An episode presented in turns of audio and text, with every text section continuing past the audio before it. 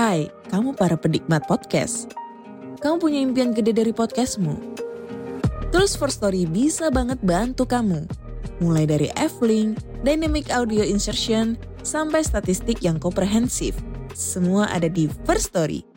Gak ketinggalan kamu bisa monetisasi podcastmu lewat iklan dari First Story Ads yang bisa kasih kamu penghasilan dari setiap place podcastmu.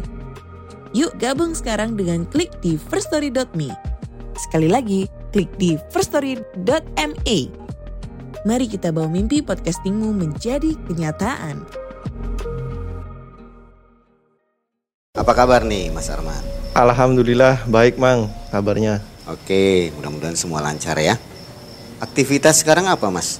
Saya sekarang eh, aktivitasnya bekerja di salah satu perusahaan yang ada di Tegal eh, di bidang pengecekan barang elektronik, Mang. Dan di kisah ini Mas Arman melakukan dua pesugihan. Pesugihan kambing kendit dan pesugihan seks. Kok bisa milih lakukan itu sih Mas? Di tahun 2020 itu udah saya posisinya nggak ada uang, nganggur, terus sering dihina teman, di eh, keluarga juga lagi terpuruk. Udah itu akhirnya saya ngambil jalan pintas, pesugihan kambing gendit dan pesugihan seks. Lalu perasaannya gimana Mas waktu melakukan itu? Ya perasaannya sih awalnya sih takut, cuman kan pas ngelihat hasilnya itu ya jadi seneng. Sobat MM, saatnya kita mendengarkan kisah yang luar biasa ini. Kisah dari Mas Arman. Silahkan.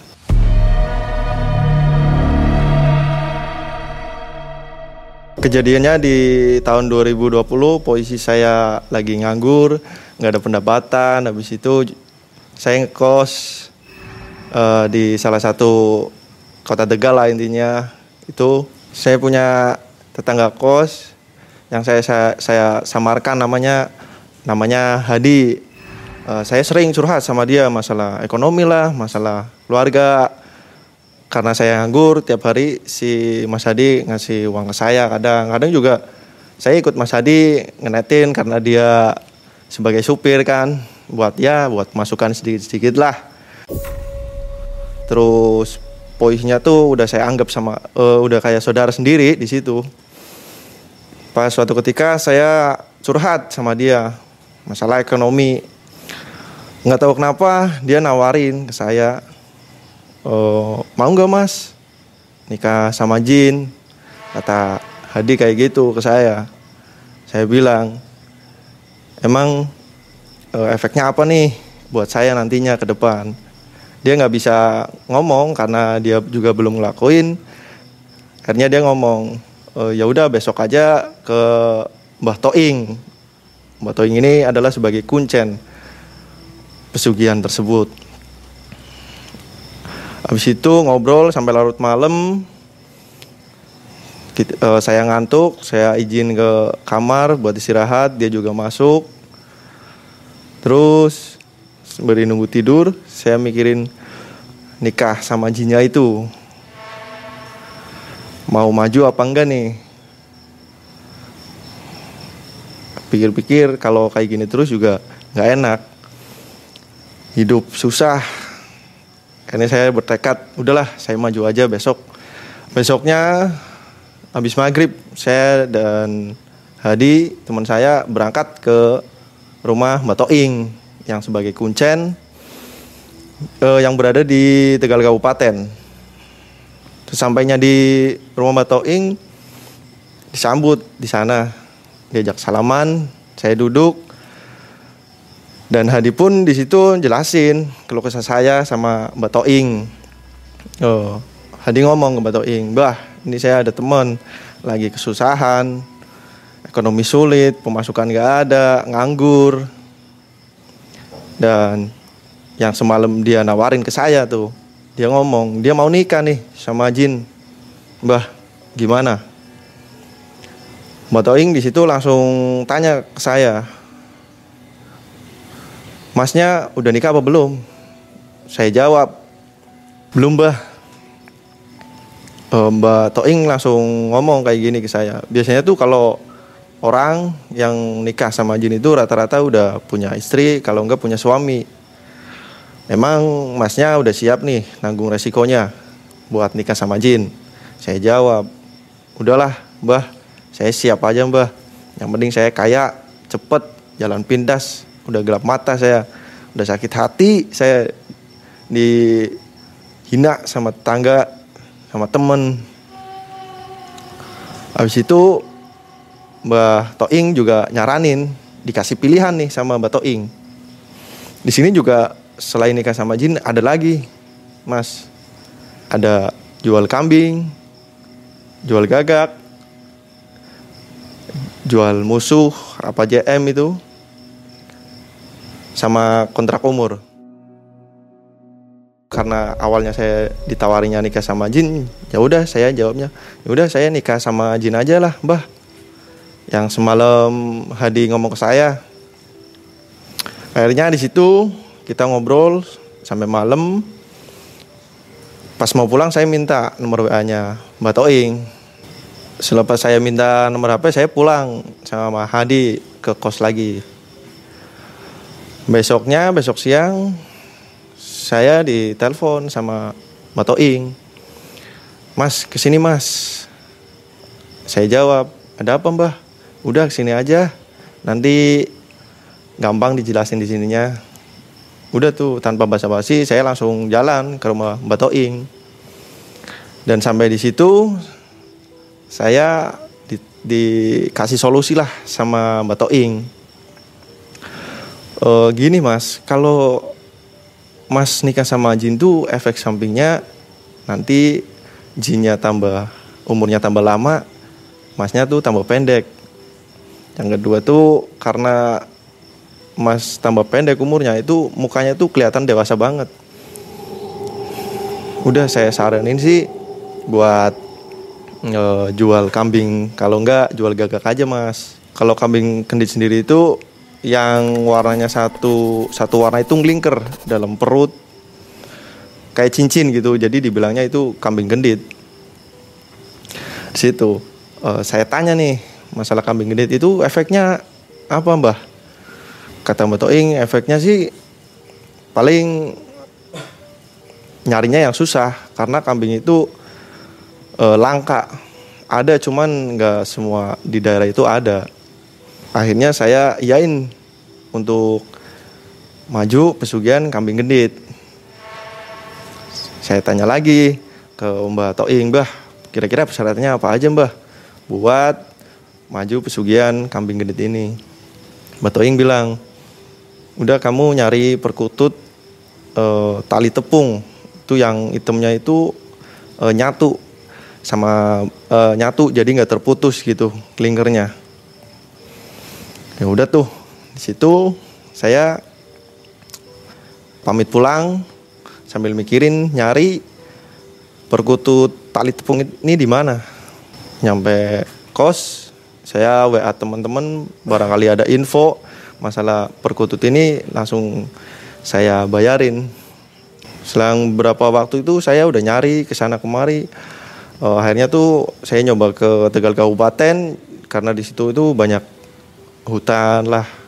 Dan ternyata pas saya jalan itu saya ketemu uh, sama orang yang biasa jala burung. Saya tanya nih sama bapaknya yang jala burung ini. Pak, biasanya dapat burung apa aja, Pak? Biasanya sih dapatnya gereja, perkutut, deruk gitu akhirnya saya ngomong nih kalau tali tepung biasanya dapat nggak pak biasanya dapat cuman jarang mas karena itu susah e, kalau gitu saya boleh pesen nggak pak dan nanti saya, bayarin sesuai yang bapak minta. Udah di situ si bapak jawab ya udah mas nggak apa-apa nanti kalau ada saya kabarin. Di situ si bapak minta nomor WA saya saya tinggalin. Singkat cerita itu tiga harian saya ditelepon sama bapak yang jala itu katanya udah dapet dua. Oh, saya tanya nih sebelum saya lihat saya tanya dulu kira-kira berapa pak buat bayarin perkututnya? Karena di situ kan saya nganggur nggak ada pemasukan juga. Uh, si bapaknya ngomong kalau yang dua itu satu juta empat ratus mas. Jadi yang satu tujuh ratus. Yaudah pak simpen aja dulu. Nanti kalau udah ada uang saya bakal ke situ pak. Habis itu saya nyoba nelpon saudara saya saya nelpon bilang ke mas ini saya lagi ada perlu nih. Saya sih uh, boleh pinjam uang nggak? Karena di situ saya nganggur saya alasan ke saudara buat bayar kos dan sehari-hari gitu. Kata masnya sih ada cuman besok gitu nunggu gajian saya iyain udah nggak apa-apa mas yang penting mah ada gitu besoknya saya tagih tuh saudara saya, saya telepon, Mas, udah ada apa enggak nih yang kemarin saya ngomong? Oh udah ada, man, gimana mau ditransfer apa mau ketemu? Saya bilang transfer aja lah, biar cepet gitu. Udah saya ngasih nomor rekening ditransfer tuh sama dia, langsung saya nelpon uh, yang bapak yang tukang jala ini. Saya telepon, Pak lagi di mana Pak? kata bapak e, di tempat biasa mas. Ini lagi mau jalan nih. Oh, yaudah saya ke situ. Saya mau bayarin perkutut itu. Kalau iya benar itu perkutut tali tepung. Yaudah mas saya tunggu. Udah tuh saya berangkat. Pas nyampe sana saya cek dulu. Pas saya cek oh iya bener udah tuh saya bayarin. Habis saya udah dapet perkutut ini saya langsung nelpon Mbak Toing Mbak Toing lagi di mana nih? Saya udah dapat perkututnya. Kira-kira saya ngasih perutnya tuh sekarang apa nanti? Kata Mbak Toing saya lagi di rumah man. Udah ke sini aja. Bawa perkututnya sekarang aja. Ya udah tuh saya meluncur ke rumah Mbak Toing. Sampai di rumah Mbak Toing saya ngasih perkutut itu. Kata Mbak Toing nanti persyaratan yang lain-lain nyusul ya mas saya bilang iya mbah dan di situ Mbak Toing minta nama, nama saya, nama bapak saya, sama weton tanggal lahir saya. Tapi sebelum itu tuh saya juga tanya ke Mbak Toing, Mbak Toing, kira-kira berhasil apa enggak ya kalau saya maju beginian? Kata Mbak Toing, yang penting di sini tuh jangan lahir, jangan yang lahir di hari Jumat Kliwon aja. Itu nggak bisa. Karena eh, pantangan lah ibaratnya kayak gitu. Berarti saya bisa nih Jumat Wage. Bisa mas. Maju aja nggak apa-apa. Nanti saya bantu. Udah tuh. Habis itu ngobrol-ngobrol saya pulang. Selang tiga hari Mbak Toing nelpon saya. Jam 2 siang. Mas bisa ke rumah nggak? Tanpa basa-basi saya langsung jawab iya saya sekarang saya ke situ mbah. Nah pas nyampe di rumah Mbak Toing Mbak Toing ngomong ntar malam siap ya mas. Kita mau ritual. Nah di situ saya diajak Mbak Toing ke tempat arena. Kalau biasanya itu tempat ritual lah. Kalau di sini bahasanya tuh arena. Dan saya juga kaget pas nyampe eh, tempat arena itu. Karena tempatnya itu sawah tapi di tengah-tengah sawah itu ada hutan.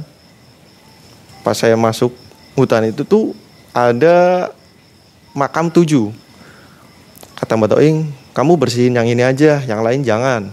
Ya udah saya nurut tuh saya bersihin sembari Mbak Toing baca-baca doa gitu ya buat lancaran saya nanti. Saya bersihin di situ. Pas sudah selesai bersih Matoing juga udah berdoa. Matoing tanya sama saya Mas sampean siap nggak kalau ritualnya di sini? Saya mikir di situ siang aja seram apalagi malam saya ngomong saya kalau di arena mah saya nggak kuat. Bah ya udah ambil aja itu tanah. Nanti dibuat ritual ntar malam. Habis itu saya pamit pulang ke kos. Karena saya nggak ada teman, saya ngajak Mas Hadi, Mas, ntar malam saya mau ritual nih. Eh, ada waktu nggak? Kata Mas Hadi ada nih.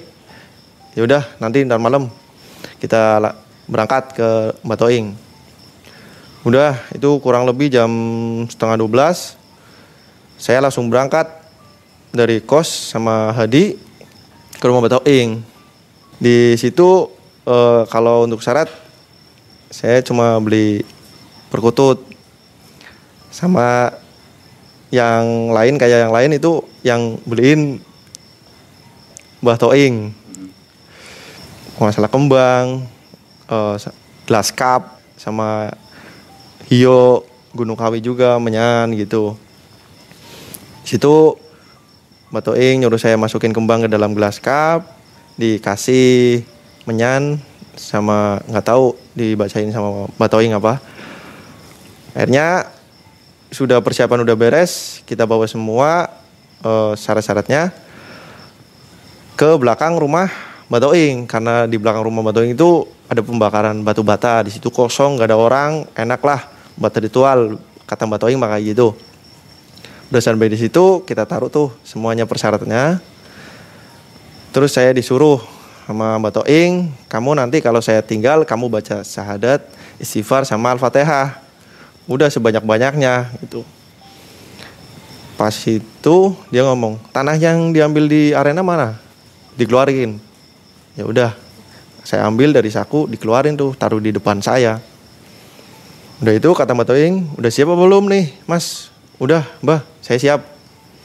Ya udah tuh, di situ nggak tahu Mbak Toing baca apa, apa jampe-jampe apa, pokoknya udah udah kayak tempat arena itu dipindah ke situ saya sila duduk sembari baca-baca yang tadi udah eh, Mbak Toing ngomong Mas ini kan ada gelas cup dua Eh, kalau kanan yang kebakar itu eh, tandanya deal. Tapi kalau kiri yang kebakar itu tandanya nggak deal.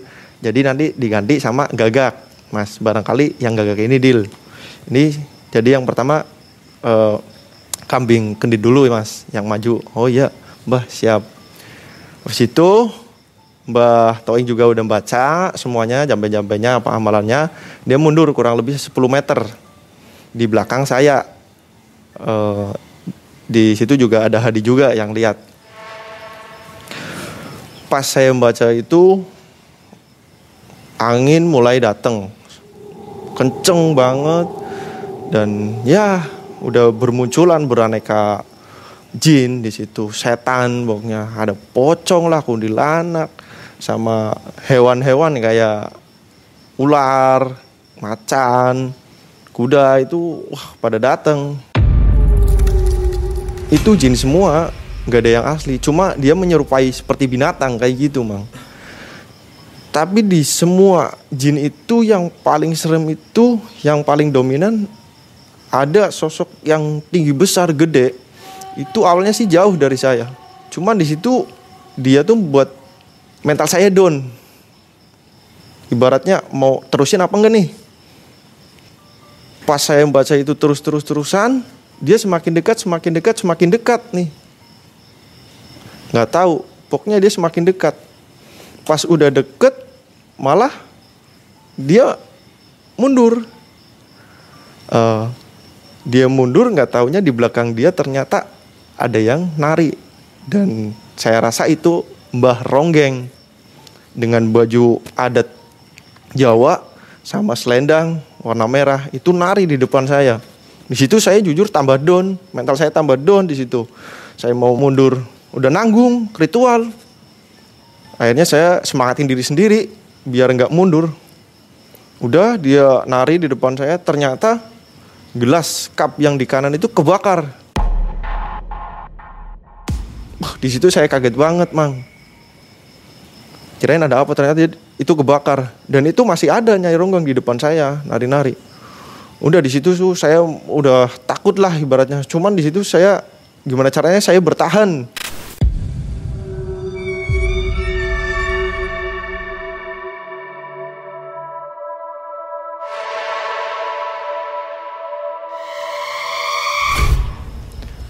Kurang lebih itu 5 menit sampai 10 menit lah baru Mbak Toing nyamperin saya. Udah mbah? Udah mas, udah selesai, udah deal. Udah, ini beresin. Kita ke rumah. Itu jangan lupa tanah yang tadi mas bawa dari arena bawa lagi. Oh iya mbah, siap. Udah pulang ke rumah Mbak Toing, di situ Mbak Toing ngomong, Mas, nanti kalau pulang itu tanahnya itu disebar di depan rumah karena eh, ada orang yang mau ngasih uang bahasanya kayak gitu. Terus dia juga ngomong habis ini pulang istirahat nggak usah ke mana-mana langsung ke rumah. Terus disebar tuh tanahnya. Habis selesai ngobrol saya pamit pulang. Sama Hadi saya pulang ke rumah si Hadi pulang ke kos. Sampainya di rumah saya langsung sebar tuh tanahnya di depan rumah saya masuk ke dalam saya bebersih habis itu saya istirahat tidur. Karena posisinya Mbah Toing ngomongnya di rumah ya udah saya eh, sementara di rumah dulu. Karena nungguin orang yang mau nganterin uang katanya. Udah ditungguin singkat cerita itu 9 hari.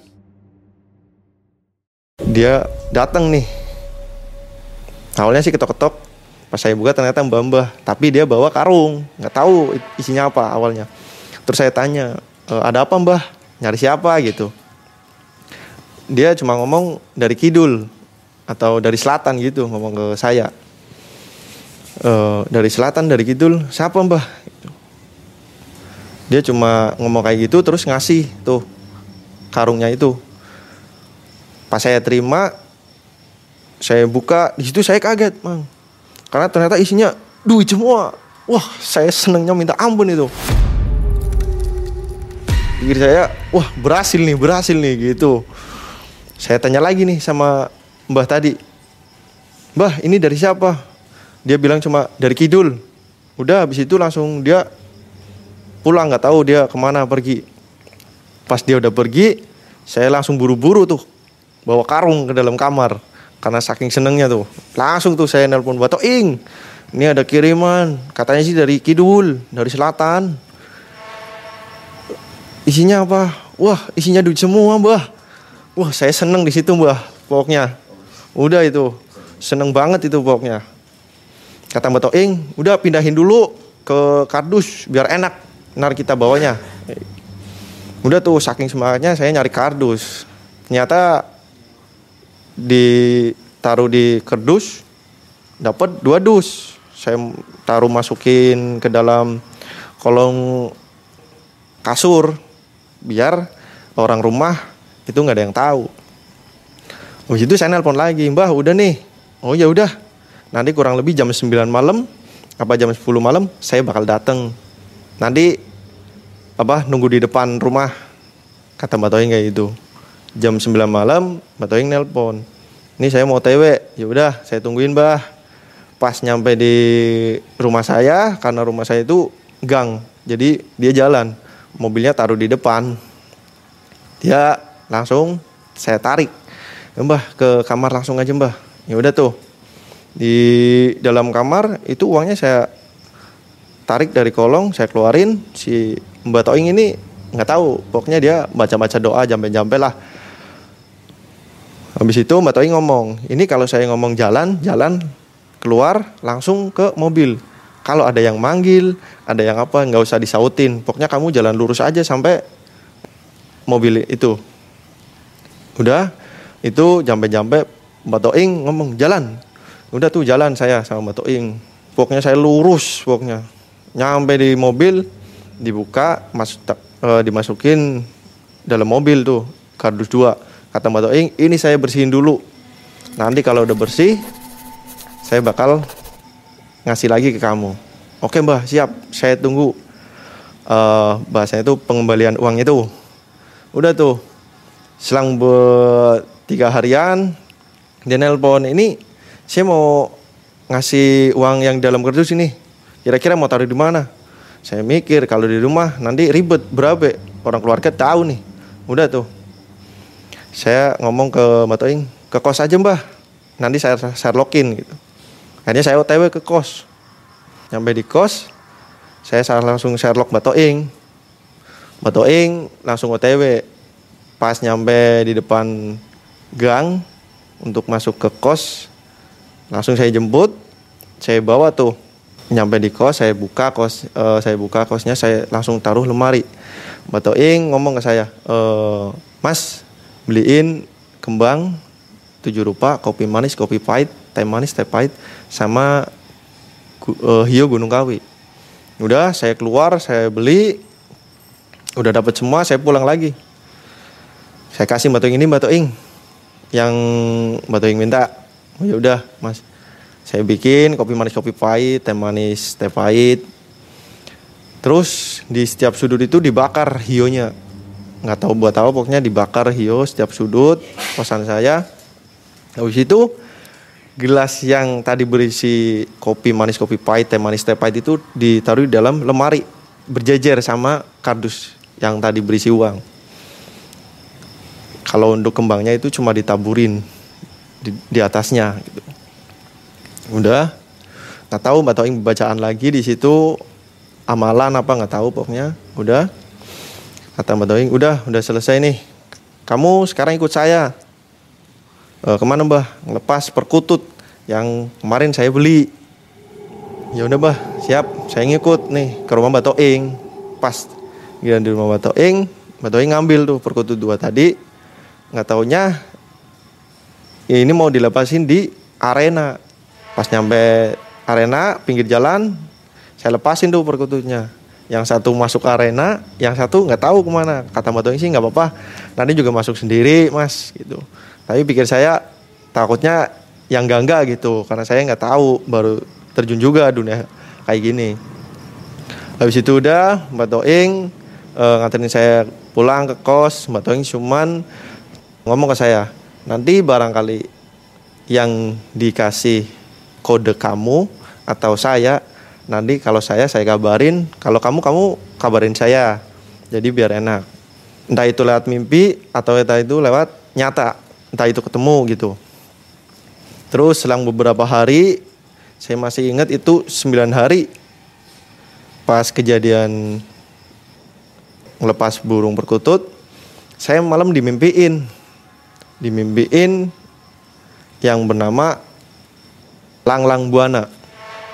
Kalau untuk Mbah Lalang Buana itu katanya sih paling tinggi di Gunung Serandil. Bahasanya kayak penguasa di Gunung Serandil. Di situ Mbak Lalang ngomong kayak gitu. Saya tunggu kamu di kidul apa selatan gitu besoknya pas saya bangun saya langsung nelpon batoing batoing saya udah dapet mimpi apa kode nih sama namanya Mbah Lalang Buana kata Mbah Toing sih yaudah ke sini ke rumah kita langsung berangkat saya memang awal nggak tahu nih selatan apa kidul itu di mana saya nggak tahu ya udah tuh sama Mbak Toing kita berangkat Singkat cerita itu sampai di Cilacap yaitu Gunung Serandil di situ. Saya tanya sama Mbak Toing, Mbak Toing, ini tempat apaan nih? Kayaknya rame banget. Tapi baunya tuh bau menyan sama hio Gunung Kawi tuh. Baunya kayak gitu. Terus banyak orang di situ. Gak tahu tujuannya apa-apa juga nggak tahu. Nah di situ Mbak Toing ngomong, ini tempat pesugihan mas. Dan emas ritual di Tegal ini nyambungnya ke Gunung Serandil ini gitu. Si Mbak Toi ngomong ini baru pertama kali saya ngantar orang itu sampai tingginya ke Mbah Lalang Buana. Padahal mah biasanya cuma di Mbah Semar sama Bunda Ratu. Udah pas nyampe ke atas makamnya Mbah Lalang Buana di situ saya uh, berdoa supaya dilancarin, dipermudah, dipercepat kayak gitu. Habis itu turun. Turun dari makamnya Mbak Lalang muter tuh ada banyak pesugihan-pesugihan sendiri di situ. Ntar ada orangnya nah itu nungguin kode apa apa saya nggak tahu. Pokoknya saya ngikutin Mbak Toing aja. Nah pas di pesugihan uh, nge apa sek itu Mbak Toing ngomong saya itu mas batu berbentuk maaf jenis kelamin wanita di situ saya heran mang karena uh ada ya batu berbentuk kelamin wanita. Udah selesai kita ngobrol di warung. Sekitar jam 4 saya dan Mbak Toing itu pulang dari Gunung Serandil itu ke rumah Mbak Toing. Sampai di rumah Mbak Toing, Mbak Toing sih ngomong ke saya. Mas nanti nggak tahu it- kayak yang pertama dikasih kode. Entah itu saya yang dikasih apa masnya, nanti kabarin ya mas. Oke mbak siap. Pas 10 hari mau lebaran, Mbak Toing nelpon saya. Mas, kamu udah finish, bilangnya kayak gitu. Karena di pikiran saya itu finish kan, uh berarti udah bisa make duitnya nih. Akhirnya Mbak Toing ngomong kita ketemu di warung kacang hijau gitu. Di ada di Tegal pokoknya. Ketemu di situ, kita ngobrol. Ini udah selesai nih. Tapi ada tapinya, kata Mbak Toing kayak gitu. Saya kaget kok ada tapinya, Mbah. Emang kenapa? Kamu itu disukai sama pesugihan sek. Padahal pas diperlihatin sama Mbak Toing itu pesugihan sek, saya nggak tertarik sama sekali di situ, mah. Cuman di situ bahasanya dia milih saya. Padahal saya nggak pesugihan sek. Di sini saya kambing gendit. Dan Mbak Toing ngomong di pesugihan sek ini itu harus ada kembang kantil Tuh, warna merah. Tugas kamu nyari kembang kantil ini. Nanti kalau udah dapet kamu ngabarin saya. Wah di situ saya mikir keras karena posisi saya nganggur. Takutnya harga kembang kantil itu mahal. Makanya tuh saya di situ, waduh kok kayak gini ya. Kata Mbak Mbak nggak apa-apa. Nanti ke depannya itu kamu enak. Jadi selesai kamu masih bisa minta lagi, tapi lewat jalur pesugihan sek. Dan itu di luar pengawasan saya karena pesugihan sek itu dia yang milih. Jadi aman-aman aja. Saya pamit pulang, nggak tahu nggak tahu ke mana. Pulang juga pergi. Saya pulang ke kos. Di kos saya mikir di mana nih nyari kembang kandil yang warna merah. Akhirnya saya searching di Google, searching di Google, dapat nih. Pas saya nyari itu di Google itu eh, ada nomor WA-nya. Saya japri dulu nih. Mas jualan kembang kandil ya? Saya bilang itu dia jawab, "Iya, Mas." Mas orang mana? Saya orang Tegal, saya bilang gitu. Wah, jauh Mas, saya orang Malang. Tapi kalau mau ngecek sih nggak apa-apa, ke sini aja kayak gitu. Ya udah Mas, nanti kalau jadi saya ke situ, saya lihat, saya ngecek. Saya tutup teleponnya, sembari saya mikir, saya mau nyari eh, nyari uang di mana nih? Posisi nganggur, harus nyari kembang adil ini. Giliran udah ada, belum ada duit buat ke sana buat cek. Akhirnya saya nelpon lagi terpaksa ke saudara. Mas, pinjam lagi bisa nggak? Kata masnya buat aja, buat keperluan sehari-hari. Emang berapa? Saya bilangnya 700. "Eh, kurang nggak? Kata mas. Kata saudara malah kayak gitu. Enggak kok kirim aja 700 mas. Saya bilang gitu. Pas ditransfer tanpa pikir panjang langsung nelpon yang orang penjual ini. Mas saya ini mau TW ke Malang mas. Naik bus. Nanti kalau udah sampai Malang saya nelpon lagi saya kabarin kata mas penjual iya mas saya tunggu di sini. Udah saya langsung kemas-kemas. Saya nelpon Mas Hadi. "Eh, Mas Hadi saya berangkat ke Malang. Saya mau nyari kembang kandil. Barangkali ada yang nyariin di kos. Saya lagi ke Malang saya bilang gitu. Udah tuh saya berangkat ke terminal. Sampainya di Malang saya nelpon sama penjual kembang itu di telepon. Mas saya udah nyampe nih kira-kira di mana? Di video call tuh sama penjual kembang itu.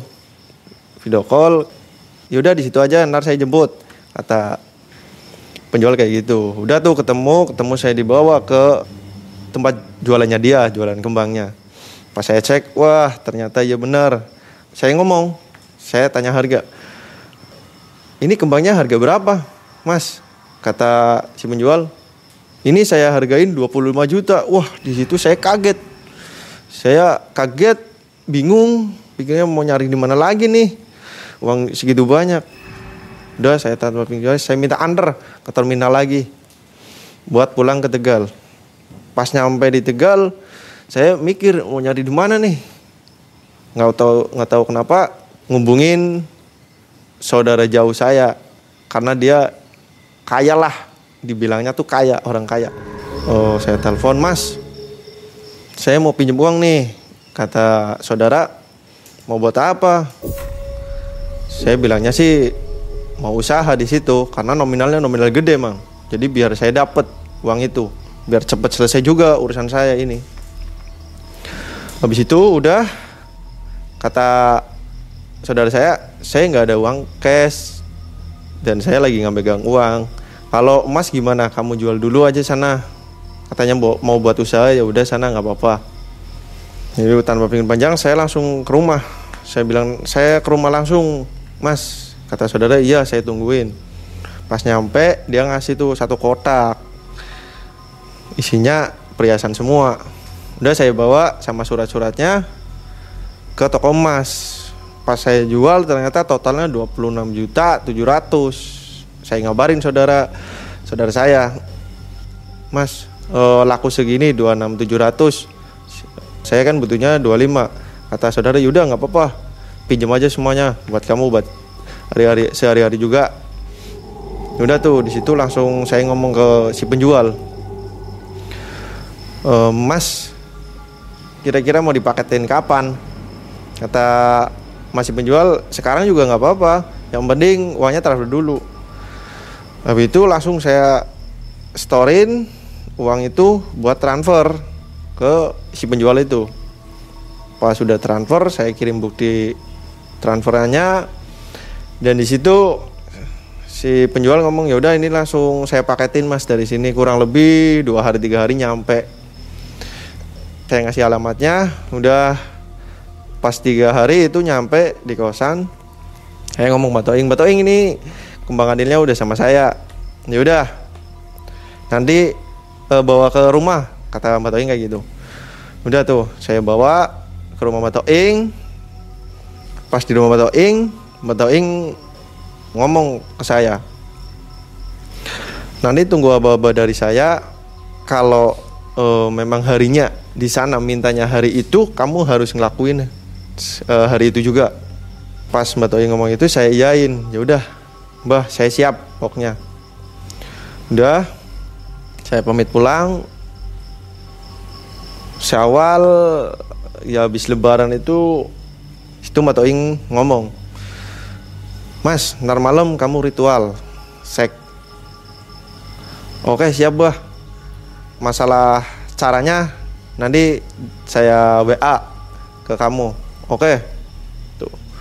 Pas hari itu juga saya nunggu kabar dari Mbak Toing. Habis maghrib tuh Mbak Toing WA saya. Mas, ini cara ngamalnya kayak gini. Nanti uh, sediain aja rokok sama menyan putih. Dan di situ Mbak Toing juga ngasih amalan ke saya. Ya jin hadir itu tiga kali sembari gejuk bumi tiga kali juga, Mang. Selepas saya dapat arahan dari Mbak Toing jam 11 malam saya pergi menuju uh, tempat uh, lokalisasi lah bahasanya di Tegal ada. Pas nyampe di tempat saya nyari cewek cari cewek di sana saya lihat-lihat wah ternyata ada yang bagus udah tuh di situ saya ngambil deh rokok yang tadi udah saya bikin yang ada menyan putihnya nyalain di situ. Sembari saya membaca amalan tadi. Pas saya isep saya isep sembari saya ngeliatin ceweknya nih yang udah saya incer. Isep saya isep kok lama-lama berat nih badan. Nggak tahu kenapa nih. Apa ada yang masuk apa ada yang gimana saya nggak tahu nih. Pokoknya sembari isep itu semakin berat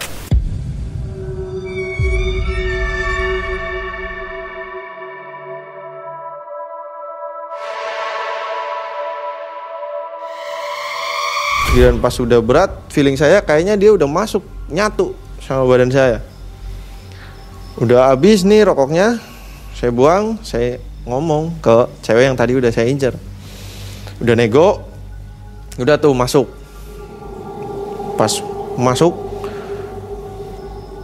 itu di situ langsung berhubungan intim saya sama cewek tadi. Pas hubungan hubungan intim itu sama si cewek di situ tuh saya keluarnya lama mang. Maaf nih mang ya. Saya keluarnya lama nih. Sampai satu jam setengah. Sampai bahasnya tuh dianya mau nyerah sendiri. Udah akhirnya satu jam setengah saya keluar. Saya keluar saya pakai baju lagi. Udah saya langsung ke kos. Giliran sampai kos saya nelpon Mbak Toing Mbak Toing ini uh, udah saya lakuin ritualnya. Kira-kira apa lagi nih?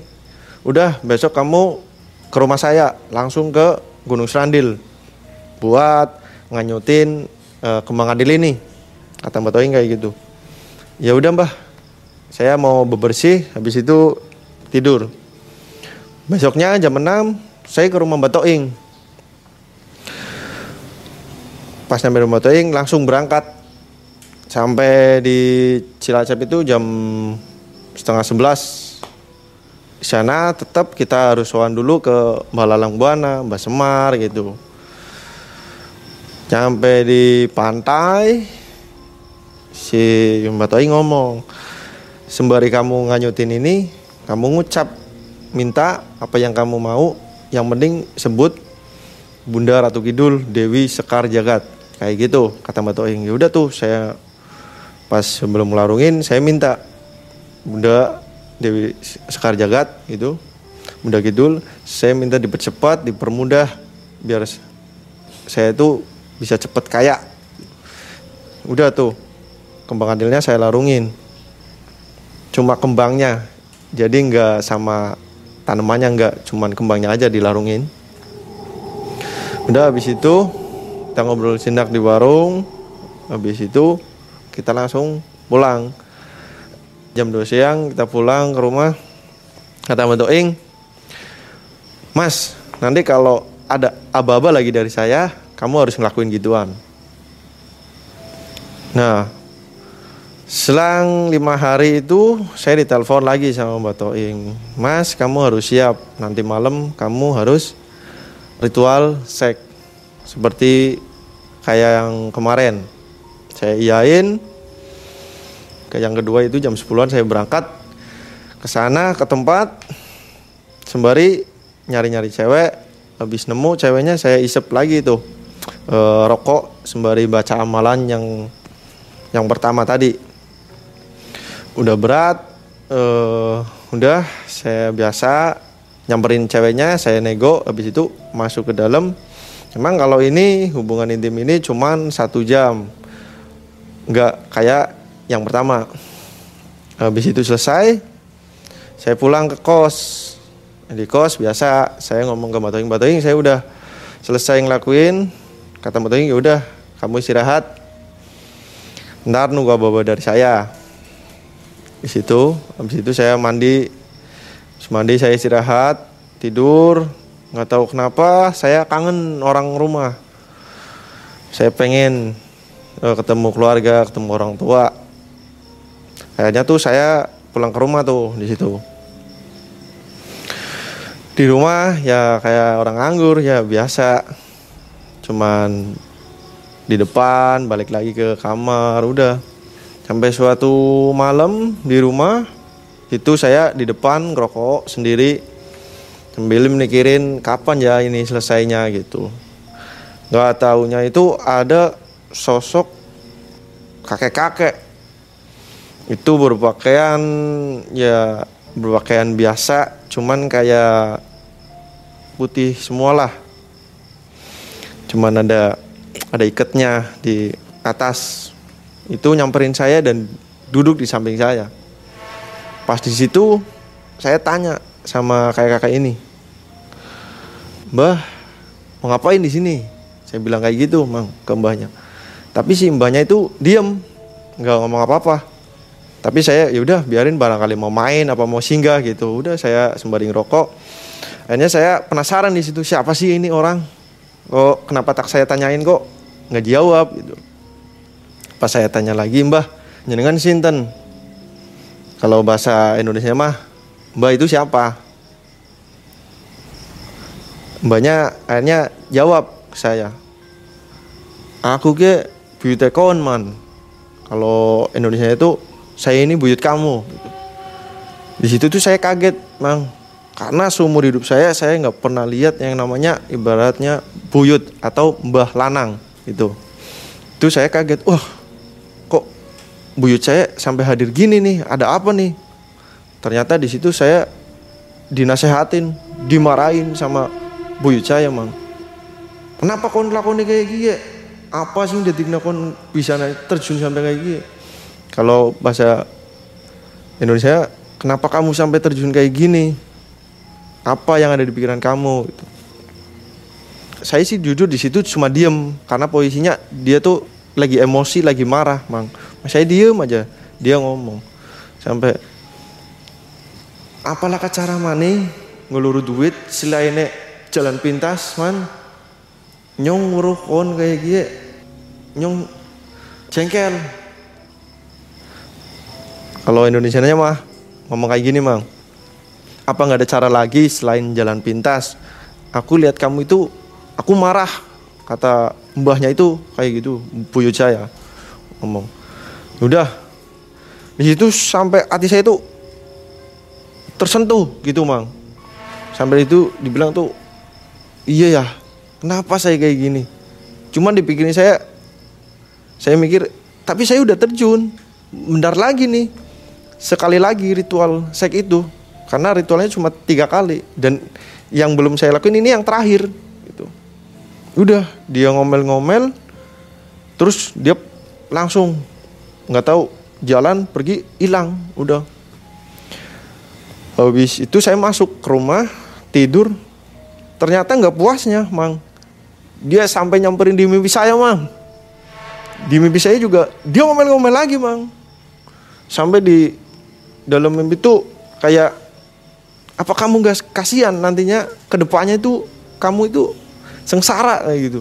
Itu tuh nggak halal. Cari yang halal aja. Ngapain yang haram-haram? Kalau ada yang halal ngapain yang haram diambil? Dan udah nggak usah itu yang nama namanya pesugihan-pesugihan. Mengalirnya aja udah nggak usah kayak gitu. Pas besoknya saya uh kayak ibaratnya emang saya itu kayak dapat hidayah dari buyut saya. Gitu suruh berhenti. Saya pikir-pikir udahlah memang bener kayak tabu saya. Jalanin aja apa yang ada gitu. Udah tuh di situ saya tanpa pikir banyak saya nelpon ke Mbak Toing.